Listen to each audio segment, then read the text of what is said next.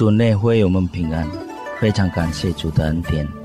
我们今天能再度参与读经运动反思。读经运动反思之前，请阅读本日读经运动的经文和请阅读本日读经运动的短诗。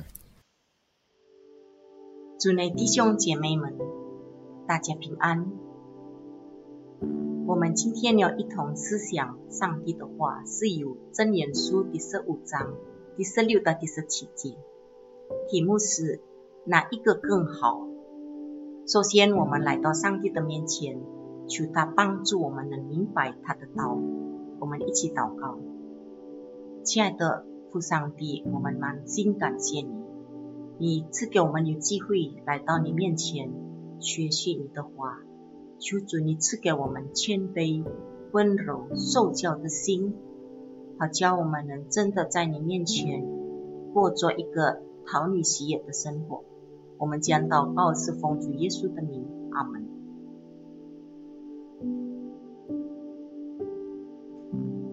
少有财宝，敬畏耶和华；强如多有财宝，烦乱不安。吃蔬菜。彼此相爱，强如吃肥牛；彼此相恨。当你读到真言书中这两节经文时，你会想到什么？也许我们当中有人会这么想：最好的是能够多有财宝，敬畏耶和华，吃好吃的，彼此相爱。这种想法是很普遍的。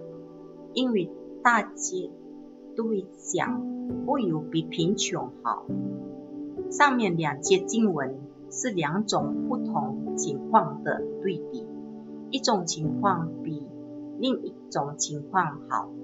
贫穷的生活并非不好，如果穷人敬畏上帝，那么穷人的生活也可以比富人好。敬畏上帝的生活会带来巨大的平安。与拥有很多财富但不敬畏上帝的人相比，这样的生活通常是烦乱不安。烦乱不安这个词包括喧哗和灾难的含义。人最应该追求的，并非是财富和舒适，而是敬畏上帝的生活。您现在追求和渴慕着什么样的生活？不要让你的生命追求财富，乃是要追求敬畏上帝的生命。追求财富的人很容易陷在迷惑，落在网络以及各种愚蠢有害的事业。生活贫穷并非不好，只要彼此相爱就好了。蔬菜是穷人的主要食物，而肥牛是。富人的食物，重要的不是在于我们想吃些什么，而是我们在什么情况下吃。你的家庭生活中是否充满爱的气氛？